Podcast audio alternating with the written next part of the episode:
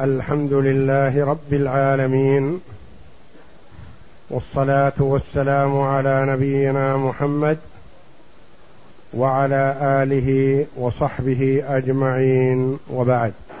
بسم الله بسم الله الرحمن الرحيم.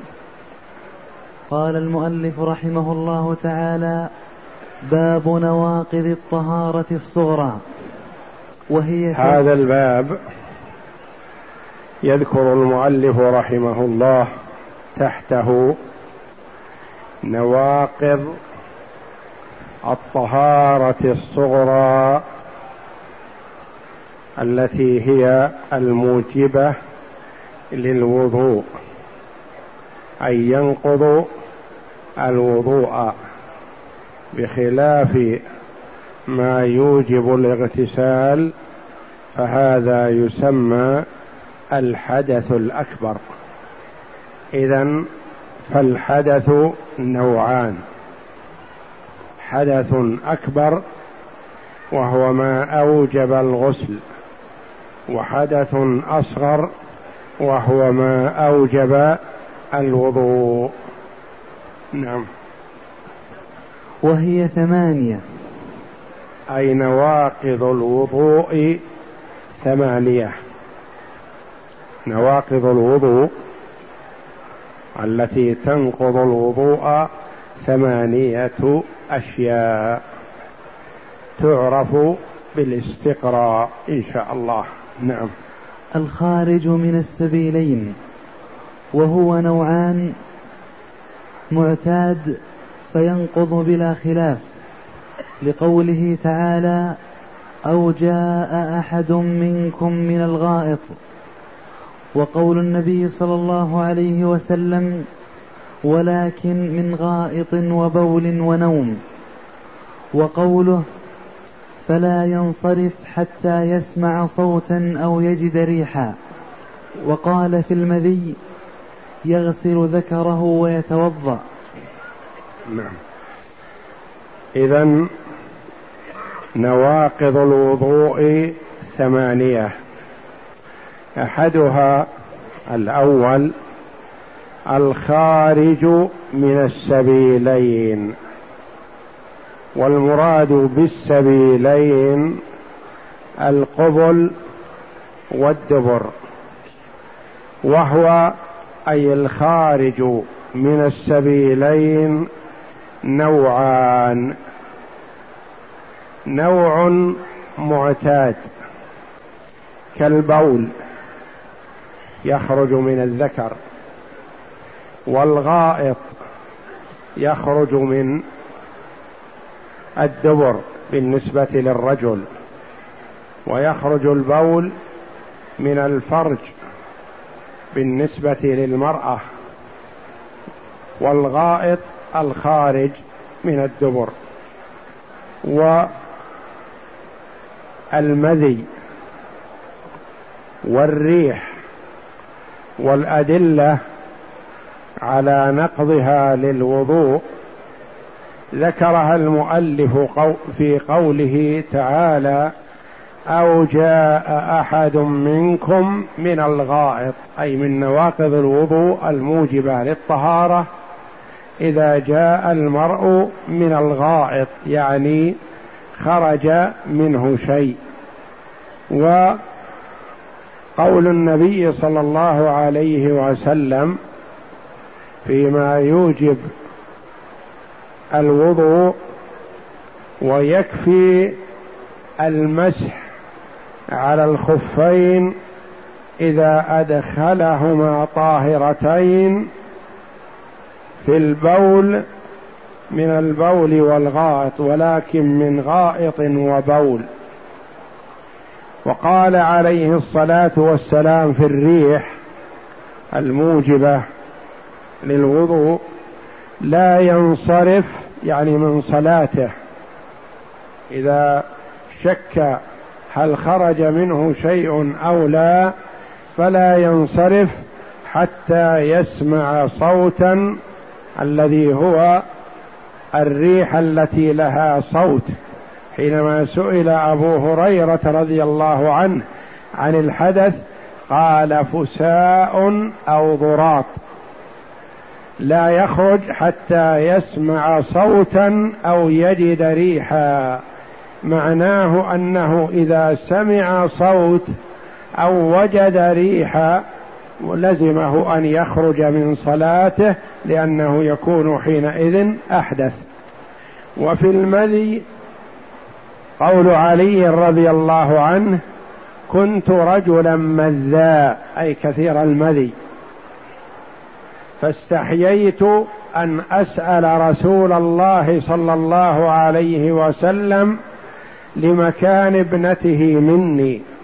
فأمرت المقداد أن يسأل رسول الله صلى الله عليه وسلم فقال يغسل ذكره ويتوضأ. دليل على أن المذي نجس في قوله يغسل ذكره ويتوضأ على أنه ناقض للوضوء والمذي هو ماء لزج أبيض يخرج عند تحرك الشهوة. وهذا في الشيء المعتاد يعني الخارج من السبيلين المعتاد البول والغائط والريح والمذي. والمني سيأتي الكلام عليه فيما يوجب غسلا.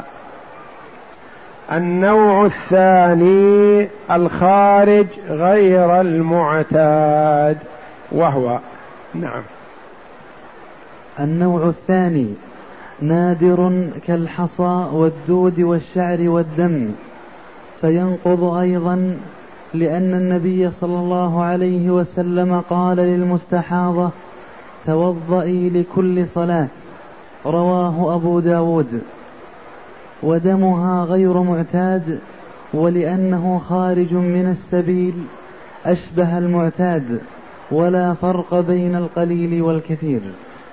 النوع الثاني الخارج من السبيلين وهو نادر يعني يخرج من بعض الناس دون بعض أو يخرج أحيانا ولا يخرج كثيرا. هو كالحصى الحصاة تخرج مثلا من الدبر أو تخرج من من الذكر أو مادة غير الحصى كمثلا مادة حديد أو نحاس ابتلعها فخرجت. والدود الديدان تخرج من الدبر تخرج ليس عليها شيء لم يعلقها غائط ولا وساخة وإنما دود يخرج يمشي. حي. هذا خارج غير معتاد وهو ناقض للوضوء. والشعر لو ابتلع المرء شعرا مثلا وخرج من دبره وحده لم يختلط بغائط أو خرقة وخرجت من دبره ما تلوثت بشيء أو مادة حديدية أو أي نوع. أو دم خرج من القبل أو خرج من الدبر. هذه الأشياء غير معتادة وهي ناقضة للوضوء. والدليل على هذا قول النبي صلى الله عليه وسلم للمرأة المستحاضة توضئي لكل صلاة. والاستحاضة دم يخرج من فرج المرأة غير معتاد. ليس حيضا ولا نفاسا ولا بول ولا غائط هو دم. فليس له حكم الحيض الذي يمنع من الصلاة والذي يوجب الغسل عند انقطاعه فهو اذا شبيه بالبول. فهو موجب للوضوء بدلالة قوله صلى الله عليه وسلم توضئي لكل صلاة. وهذا يستدل به على ما يخرج من السبيلين غير معتاد لأن دم الاستحاضة ليس معتادا. لا يخرج من كل النساء وإنما يخرج من بعض. ولأنه خارج من السبيل فهو أشبه المعتاد يعني في نقضه الوضوء يشبه البول في نقضه الوضوء. ولا فرق بين القليل والكثير يعني الخارج من أحد السبيلين القبل أو الدبر ناقض للوضوء حتى وإن كان شيئا يسيرا وإن كان دبوس مثلا خرج. فهو ناقض للوضوء. دودة صغيرة مثلا جرت مع الدبر وخرجت موجبة للوضوء. ناقض هذا للوضوء فإذا خرج من الدبر شيء سواء كان معتاد أو غير معتاد وسواء كان قليلا أو كان كثيرا فإنه ناقض للوضوء موجب للوضوء. نعم. الثاني خروج النجاسة من سائر البدن. الثاني من نواقض الوضوء خروج النجاسة من سائر البدن. مثلا من الفم من الأنف من جرح في البطن جرح في الظهر في الرأس وهكذا. الخارج من النجاسة من سائر البدن وهو نوعان. نعم. غائط وبول فينقض قليله وكثيره لدخوله في النصوص المذكورة. بول أو غائط مثلا. صرف عن مخرجه المعتاد. البول أو الغائط صرف جعل له أنبوبة كما يفعل لبعض المرضى يجعل له أنبوبة يخرج منها البول من غير القبل. يخرج الغائط من غير الدبر مثلا بأنبوبة. خرج بول أو غائط ولو من غير السبيلين وإن كان قليلا فإنه ناقض للوضوء. نعم. الثاني دم وقيح وصديد. فينقض كثيره لأن النبي صلى الله عليه وسلم قال لفاطمة بنت أبي حبيش إنه دم عرق فتوضئي لكل صلاة رواه الترمذي. فعلل بكونه دم عرق وهذا كذلك. ولأنها نجاسة خارجة من البدن أشبهت الخارج من السبيل ولا ينقض يسيره. والثاني الخارج من البدن نجاسة من غير البول والغائط يكون قيح ويكون صديد ويكون دم ويكون قيء يخرج من الفم دم يخرج من الأنف. هذا لا يخلو. إن كان كثيرا نقض الوضوء وإن كان قليلا فلا ينقض. دم خارج من الذكر ينقض الوضوء وإن كان يسير. دم خارج من الأنف فيه تفصيل. إن كان كثيرا نقض وإن كان يسيرا فلا ينقض. نعم. ولا ينقض يسيره لقول ابن عباس في الدم إذا كان فاحشا فعليه الإعادة. قال الإمام أحمد عدة من الصحابة تكلموا فيه. ابن عمر ابن ابن عمر عصر بثرة فخرج دم فصلى ولم يتوضأ. وابن أبي أوفى عصر دملا وذكر غيرهما. ولم يعرف لهم مخالف في عصرهم فكان إجماعا. نعم. ولا ينقض يسيره. يعني يسير الخارج النجس من غير البول والغائط لا ينقض. لما يرحمك الله؟ قال لأن عبد الله بن عمر رضي الله عنهما عصر بثرة فخرج دم. بثرة التي تنبت وتخرج في الجسم في أي مكان؟ في الوجه في اليد في الذراع فعصرها فخرج منها دم فصلى ولم يتوضأ لهذا الخارج لأنه يسير. وعبد الله بن أبي أوفى عصر دملا كذلك ولم يتوضأ له. وذكر الإمام أحمد أن هناك عدد من الصحابة رضي الله عنهم حصل منهم شيء من ذلك مثلا فلم يتوضأوا. فكان هذا بمثابة الإجماع من الصحابة.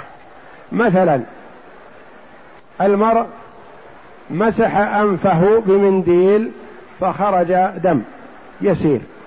لا يؤثر هذا لأنه يسير. أصابه دبوس أو مسمار أو نحو فخرج دم. ليس بالكثير. يمسحه ويصلي ولا يؤثر عليه. فيه دمل انفتح خرج منه قيح أو صديد فمسحه وصلى فلا بأس عليه. اذا فليسير من غير السبيلين غير البول والغائط يعفى عنه. وظاهر مذهب أحمد أنه لا حد للكثير إلا ما فحش.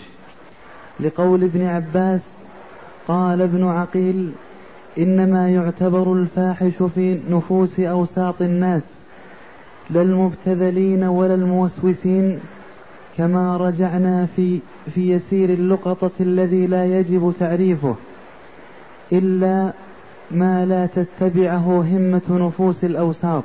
إلى إلى ما لا تتبعه. إلى ما لا تتبعه همة نفوس الأوساط. وعن أحمد أن الكثير شبر في شبر وعنه قدر الكف فاحش وعنه قدر عشرة أصابع كثير وما يرفعه بأصابعه الخمسة يسير.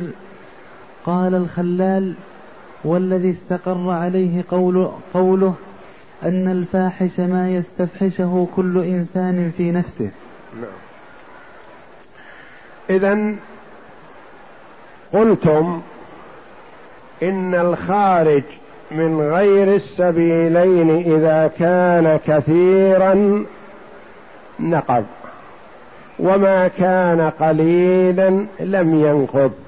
نقول نريد حدا يفصل بين القليل والكثير حتى نعرف هذا. قال الإمام أحمد رحمه الله لم يرد حد فاصل بين القليل والكثير. ما جاء عن النبي صلى الله عليه وسلم بأن مقدار كذا قليل ومقدار كذا كثير ولا حصل إجماع من الصحابة فمن بعدهم على أن هذا قليل وهذا كثير. اذا ما هو القليل والكثير؟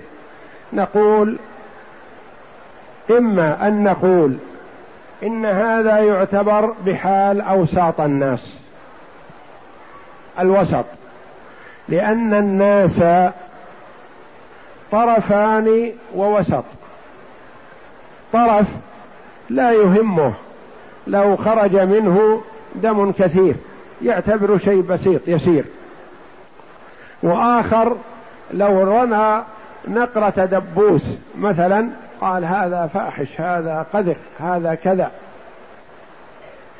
لا نعتبر هذا في دناءته وعدم مبالاته ولا نعتبر الآخر في شدته واهتمامه وإنما نقول الوسط. قد يقول قائل هذا يتعذر معرفته. إذا رأينا الدم اليسير ننظر في أوساط الناس نقول ماذا تقولون؟ في هذا. قال ما كان في عشرة بمقدار عشرة أصابع فإنه كثير. وما كان بمقدار خمسة أصابع أو يأخذه المرء بأصابعه الخمسة فهو قليل. قيل هذا لا ينضبط كذلك. والذي استقر عليه الرأي والله أعلم أنه بحسب حال المرء. إن اعتبره فاحشا نقول له توضأ وإن اعتبره يسيرا فلا بأس عليه. مثلا خرج من أنفه قطرة أو قطرتين قطرة أو قطرتان دم مثلا نقول هذا شيء يسير. إذا خرج منه كثير وامتلأ المنديل الأول والثاني والثالث مثلا هذا فاحش ينقض الوضوء. وهكذا فبحسب حال المرء بنفسه. إن استفحشه قلنا توضأ انتقض وضوءك. وإن لم يستفحشه ومسحه فلا شيء عليه. نعم. الثالث زوال العقل وهو نوعان الثالث من نواقض الوضوء زوال العقل. إذا الأول الخارج من السبيلين. الثاني الخارج من غير السبيلين. الخارج من السبيلين معتاد وغير معتاد كله ناقض. الخارج من غير السبيلين إن كان بولا أو غائط فهو ناقض وإن كان يسيرا. وإن كان غير بول وغائط ففيه تفصيل. إن كان كثيرا نقض وإن كان يسيرا فلا ينقض. نعم. الثالث. الثالث زوال العقل وهو نوعان أحدهما النوم الثالث زوال العقل وزوال العقل نوعان. يعني يفقد المرء عقله. إما بالنوم وإما بالإغماء والجنون ونحو ذلك. والنوم أنواع. النوم أربعة أنواع. منه ما ينقض الوضوء ومنه ما لا ينقض الوضوء. فانتبه لهذا لأن المرأة يبتلى بذلك كثيرا. نعم. أحدهما النوم فينقض لقول النبي صلى الله عليه وسلم ولكن من غائط وبول ونوم. وهذا الحديث دل على أن النوم ناقض من نواقض الوضوء. نعم. وعنه عليه الصلاة والسلام أنه قال العين وكاء السه فمن نام فليتوضأ. رواه أبو داود ولأن النوم مظنة. العين وكاء السه. العين العين المعروفة يعني إيه؟ وكاء السه السه هي حلقة الدبر. يعني اللي يسكرها ويحكمها العين ما دامت صاحية. فإذا نامت العين انفتح الوكاء. يعني محتمل احتمال كبير يخرج الريح. نعم. ولأن النوم مظنة الحدث فقام مقامه كسائر المظان. لأن النوم مظنة الحدث لأن المرأة إذا نام خرجت منه الريح بدون أن يشعر. نعم. ولا يخلو من أربعة أحوال. النوم لا يخلو من أربعة أحوال. نوم المتكئ والمستلقي ونوم الجالس ونوم القائم ونوم الراكع الساجد. أربعة أنواع. انتبه لها لأن الحكم يختلف فيها. المستلقي أو المتكئ على شيء نوع. النوع الثاني المتربع والجالس مثلا غير متكئ. والثالث نوم القائم والرابع نوم الراكع والساجد. نعم. الأول أن يكون مضطجعا أو متكئا أو معتمدا على شيء فينقض الوضوء قليله وكثيره لما رويناه. نعم. الأول من هذه الأنواع الأربعة أن يكون مضطجع يعني نايم مستلقي أو على جنب أو على بطنه. كل واحد ما دام ممتد على الأرض أو متكئ على يمينه أو على شماله أو معتمدا على شيء متكئ على ظهره. فينقض الوضوء قليله وكثيره. لأن المرأة إذا كان مستلقيا مضطجعا أو كان متكئ على يمينه أو على شماله أو على ظهره لا يتحكم في نفسه والغالب أن النوم يغلب عليه في هذه الحال. فإذا نام في هذه الحال فاحتمال خروج الريح منه احتمال كثير. فحينئذ نقول إذا نام مضطجعا أو متكئا على يمينه أو على شماله أو على ظهره فإن نومه وإن قل ينقض الوضوء لاحتمال خروج الريح. نعم. والثاني أن يكون جالسا غير معتمد على شيء فلا ينقض قليله. لما روى أنس أن أصحاب رسول الله صلى الله عليه وسلم كانوا ينتظرون العشاء فينامون قعودا ثم يصلون ولا يتوضؤون. رواه مسلم بمعناه.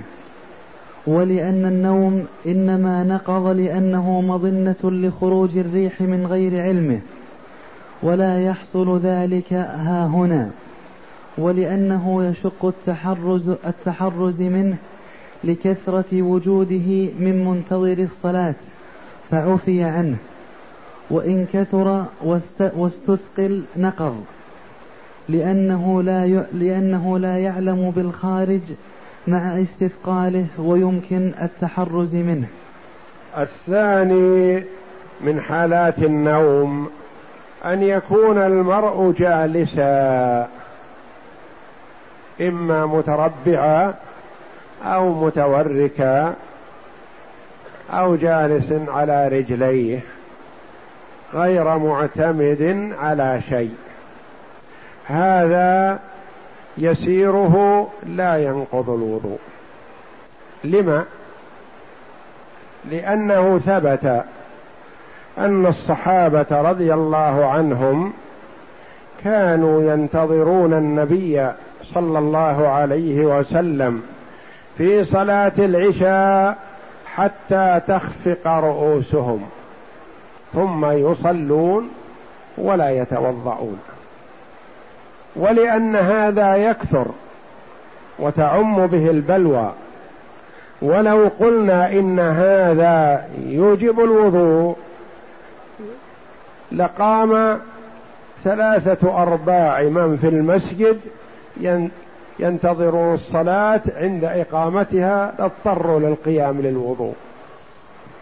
وخاصة من كان في عمل في النهار وإرهاق فهو إذا جلس ولو يسيرا خفقت عينه وخفق رأسه. فعفي عن هذا اليسير. ولأن المرأة في هذه الحال يشعر بنفسه غالبا حتى وإن خفق رأسه.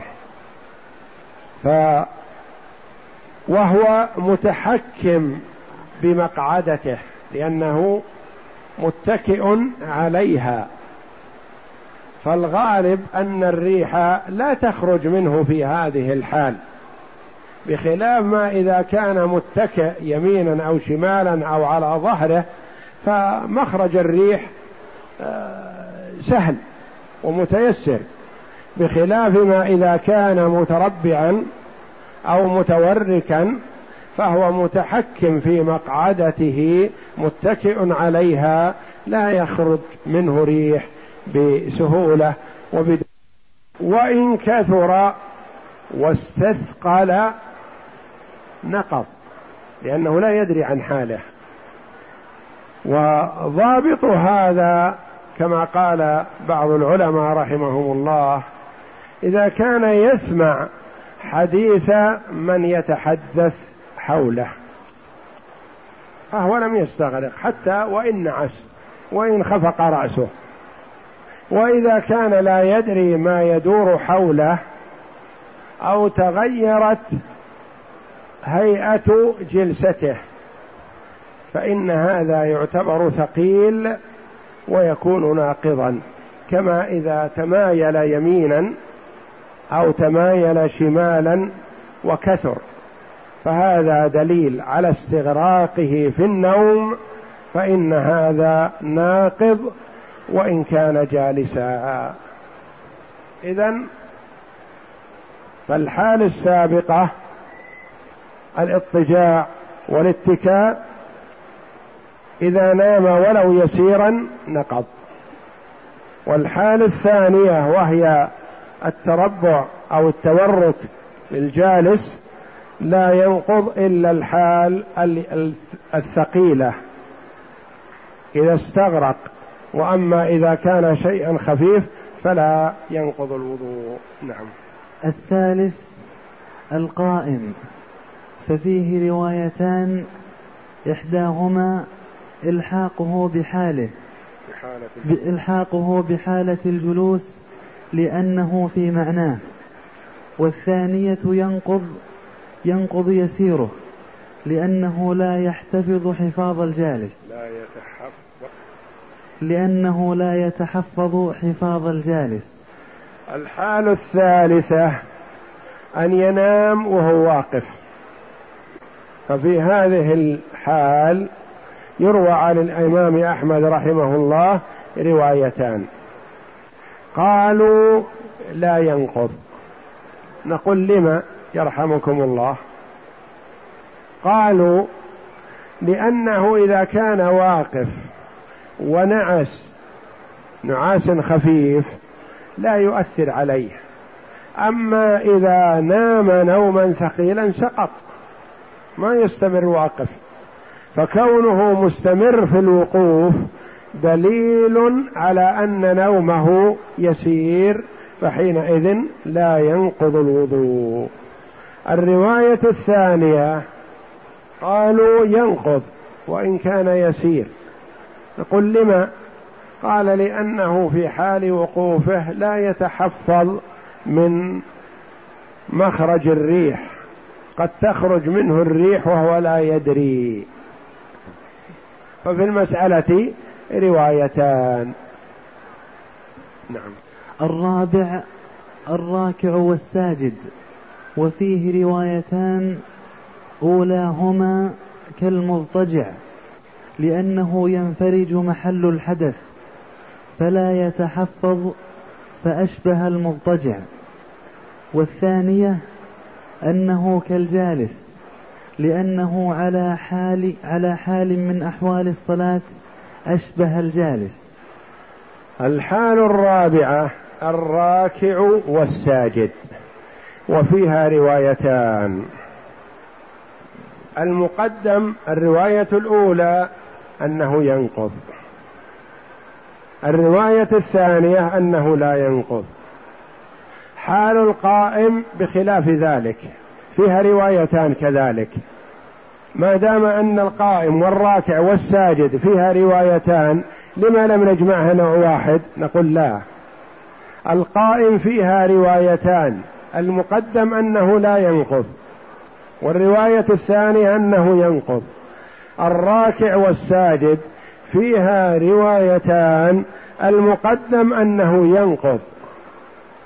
والرواية الثانية أنه لا ينقض لأن الراكع والساجد لا يتحكم في مخرج الريح قد تخرج منه الريح بسهولة ولا يدري فإذا نام ولو نوما خفيفا انتقض وضوءه. نعم. والمرجع في اليسير والكثير إلى العرف. ما عد كثيرا فهو كثير وما لا فلا لأنه لا حد له في الشرع فيرجع فيه إلى العرف كالقبض والإحراز. نعم. والمرجع في اليسير والكثير مثل ما قلنا هناك في الخارج من البدن من غير السبيلين. قلنا مرجعه إلى العرف. أو إلى أوساط الناس أو إلى ما اعتادوا. فينظر الرجل الذي يغلب عليه النوم بكثرة يعني قد يكون الشيء الذي يحصل منه أحيانا يعتبر يسير لأنه يستغرق في نومه كثيرا حال جلوس أحيانا. والآخر قد يرى الإغماضة اليسيرة شيء كثير. فلعلنا أن نضبط اليسير من الكثير في سماع حديث من حوله. إن كان يسمع حديث من حوله فهو يسير وإن كان لا يسمع فهو كثير. قال فيرجع فيه إلى العرف كالقبض. القبض. في الأشياء التي يلزم قبضها مثلا في البيع والشراء. يرجع إلى العرف. ما عده أهل الصنف قبضا فهو قبض. وما عده أهل الصنف ليس بقبض فلا يعتبر قبض. ومثل ذلك الحرز. الأحراز تتفاوت. حرز الأموال التي تحفظ فيها الأموال. يرجع فيها إلى العرف. أحيانا إذا سرق السارق من الحضار أو العشة أو الخيمة مثلا قطعت يده. وأحيانا إذا سرق من الغرفة ومن المجلس ونحوه لا تقطع يده. لأن هناك أشياء تحرز في الخزاز والإحضار والخيام ونحوها. وهذا حرزها فإذا سرق منها قطعت يده لأنه سرق الغنم مثلا من إحضارها فتقطع يده. وأحيانا يجد الذهب الثمين في المجلس أو في الغرفة العادية فيأخذه فلا تقطع يده لأن المجلس والغرفة ليس حرزا للذهب. الذهب يحفظ في الصناديق والغرف المقفلة ونحو ذلك. لا يوضع على وجه الأرض كل يراه. فهذا معنى قول رحمه الله كالقبض يعني في البيع والشراء والحرز في حرز الأموال. وهناك كذلك مر علينا كلمة اللقطة التي لا تتبعها أوساط الناس همة أوساط الناس اللقطة. مثلا شخص مثلا وجد لقطة نقول يجب عليك تعريفها. آخر وجد لقطة نقول لا استعملها ولا حرج عليك. ما الفرق بينهما؟ اللقطة الأولى ذات قيمة ويرغب فيها الناس والناس لا يهملونها مثلا فعرفها. لقطة لا قيمة لها مثلا. أو لا يهتم لها كثير من الناس مثلا فاستعملها لا حرج عليك. وجدت سواكا في الأرض مثلا فخذه واغسله واستعمله ولا حرج. لا تقل يمكن صاحبه ما سمح يمكن كذا يمكن كذا لا. هذا لأنه بسيط.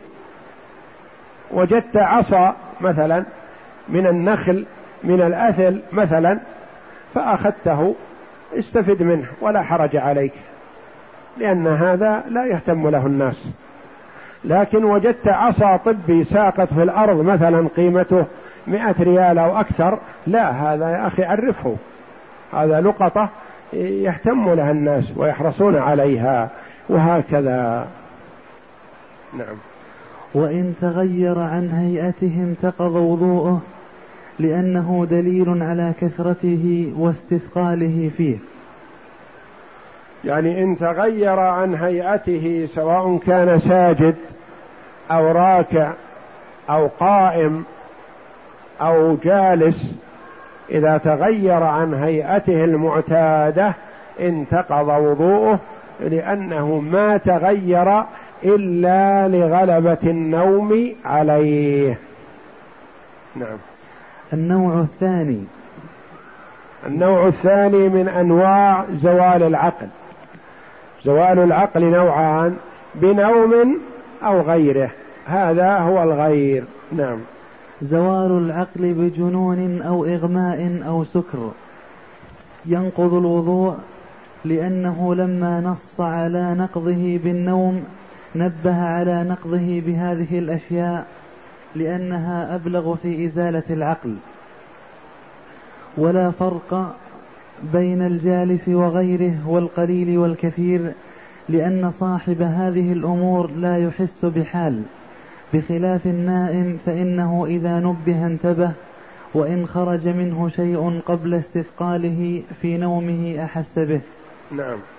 النوع الثاني من أنواع زوال العقل زوال العقل بجنون جن ولو يسيرا. أو أغمي عليه بعدما توضأ أو سكر ذهب عقله بشرب مسكر بدون علمه أو بعلمه أو باختياره أو بدون اختياره كل هذا ينقض الوضوء لما؟ نقول نعم لأن النبي صلى الله عليه وسلم نص على نقض الوضوء بالنوم فهذه الأشياء أولى من النوم لأن المرأة إذا كان نائما إذا نبه تنبه وإذا خوطب وهو نائم أجاب وإذا حصل منه شيء وإن كان نائم علم عنه بخلاف من أصيب بهذه الأشياء الجنون أو الإغماء.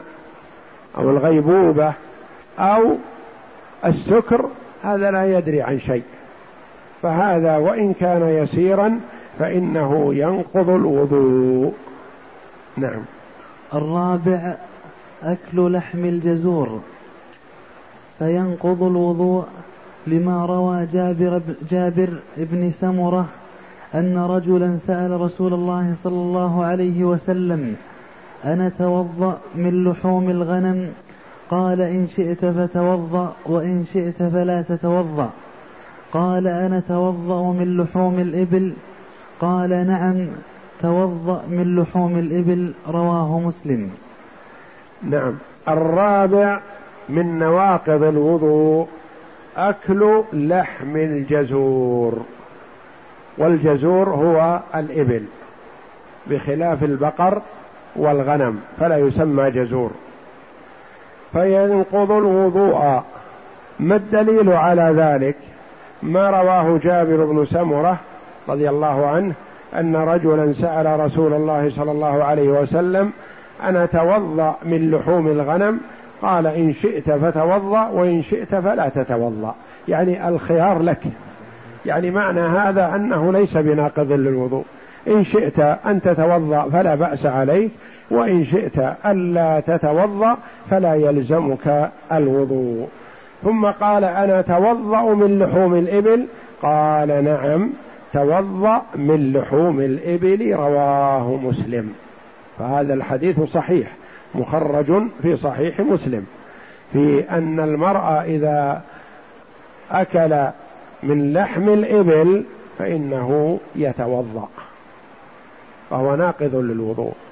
قال العلماء رحمهم الله إن الوضوء من لحم الإبل تعبدي. يعني يجب علينا أن نفعله وإن لم نعقل معناه. لأنه قد يقول قائل ما الفرق بين لحم الإبل ولحم البقر؟ لحم الإبل ولحم البقر. البقرة عن سبعة والبدنة عن سبعة وكلها كبيرة. وقد يكون بعض الإبل أصغر في الحجم من كبار البقر. فنقول الأمر تعبدي. أمرنا النبي صلى الله عليه وسلم أن نتوضأ من لحوم الإبل ونقول فنقول سمعا وطاعة وعلى العين والرأس. ولا نبحث عن السبب إن عقلناه قبلنا وإن لم نعقله لم نقبل لا. وما كان لمؤمن ولا مؤمنة إذا قضى الله ورسوله أمرا أن يكون لهم الخيرة من أمرهم. فإذا جاء الأمر عن الله جل وعلا أو عن رسوله صلى الله عليه وسلم فلا نتوقف بل نسلم ونأتمر طاعة لله ولرسوله صلى الله عليه وسلم. بعض العلماء رحمهم الله تلمس للعلة فقال إن الإبل ولحوم الإبل الإبل غالبا تصحبها الشياطين وعندها القوة والغلظة والقسوة كرعاة الإبل. رعاة الإبل يختلفون عن رعاة الغنم.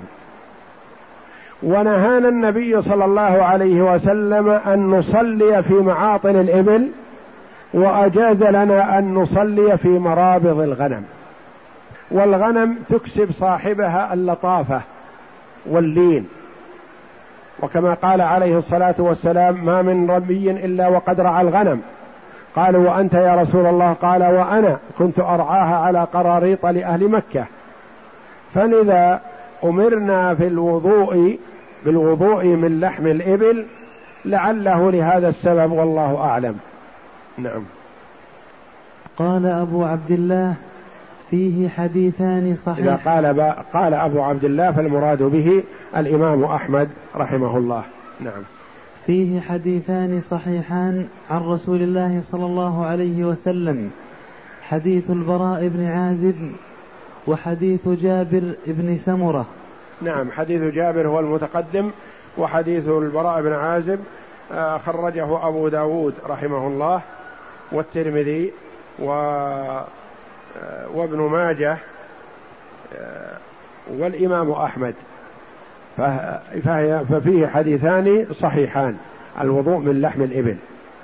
وإن كان هو من المفردات المذهب لأن الأئمة رحمهم الله لا يرون الوضوء من لحم الإبل الأئمة الثلاثة. نعم. ولا فرق بين قليله وكثيره. يعني سواء أكل لحم كثير أو لحم إبل قليل. نعم. ونيه ومطبوخه. وسواء كان ني يعني لم تمسه النار أو مطبوخ أو مشوي. وعن لعموم الحديث لأن الحديث لم يقل إذا كان كذا. نعم. وعنه في من أكل وصلى ولم يتوضأ إن كان يعلم أمر النبي صلى الله عليه وسلم بالوضوء منه فعليه الإعادة وإن كان جاهلا فلا إعادة عليه. وعنه أي عن الإمام أحمد شخص مثلا أكل لحم إبل ولم يتوضأ وصلى ثم تذكر بعد وجاء يسأل يقول نقول إن كنت تعلم أن من أكل لحم الإبل عليه الوضوء فعليك إعادة الصلاة. لأن بلغتك الحجة وبلغك الدليل ولم تعمل به فعليك إعادة الصلاة. أما إذا كان لم يعلم قال والله أنا من زمن طويل وأنا آكل لحم الإبل وأصلي بدون وضوء بعد لحم الإبل وما علمت عن أنه يلزم الوضوء. نقول على هذه الرواية لا يلزمك إعادة ما صليت. نعم. وفي اللبن روايتان. إحداهما لا ينقض لأنه ليس بلحم والثانية ينقض لما رواه سيد بن حضير أن النبي صلى الله عليه وسلم قال توضأوا من لحوم الإبل وألبانها رواه أحمد في المسند. وفي اللبن روايتان يعني إذا شرب لبن الإبل أما إذا شرب من لبن البقر أو لبن الغنم فلا ينقض. شرب من لبن الإبل فيه روايتان. إحداهما ينقض. إحداهما المقدم بأنه لا ينقض لأنه ليس بلحم. والوارد في الحديث الثابت الصحيح اللحم واللبن غير ناقض والرواية الثانية أنه ينقض لأنه روي في حديث آخر عن أسيد بن حضير أن النبي صلى الله عليه وسلم قال توضأوا من لحوم الإبل وألبانها رواه أحمد في المسند. إذا ففي اللبن روايتان المقدم أنه لا ينقض والقول الآخر أنه ينقض. نعم. وفي الكبد والطحال وما لا يسمى لحما وجهان. أحدهما لا ينقض لأنه ليس بلحم والثاني ينقض لأنه من جملته فأشبه اللحم. وقد نص الله على تحريم لحم الخنزير فدخل فدخل فيه سائر أجزائه ولا نعم, نعم. وفي الكبد والطحال وما لا يسمى لحما وجهان. الكبد والطحال والمصران والكرش وغيرها مما لا يسمى لحم وجهان. أحدهما لا ينقض الوضوء. يعني لو أكل من الكرش أو كبد أو من الأمعاء فلا ينتقض وضوءه.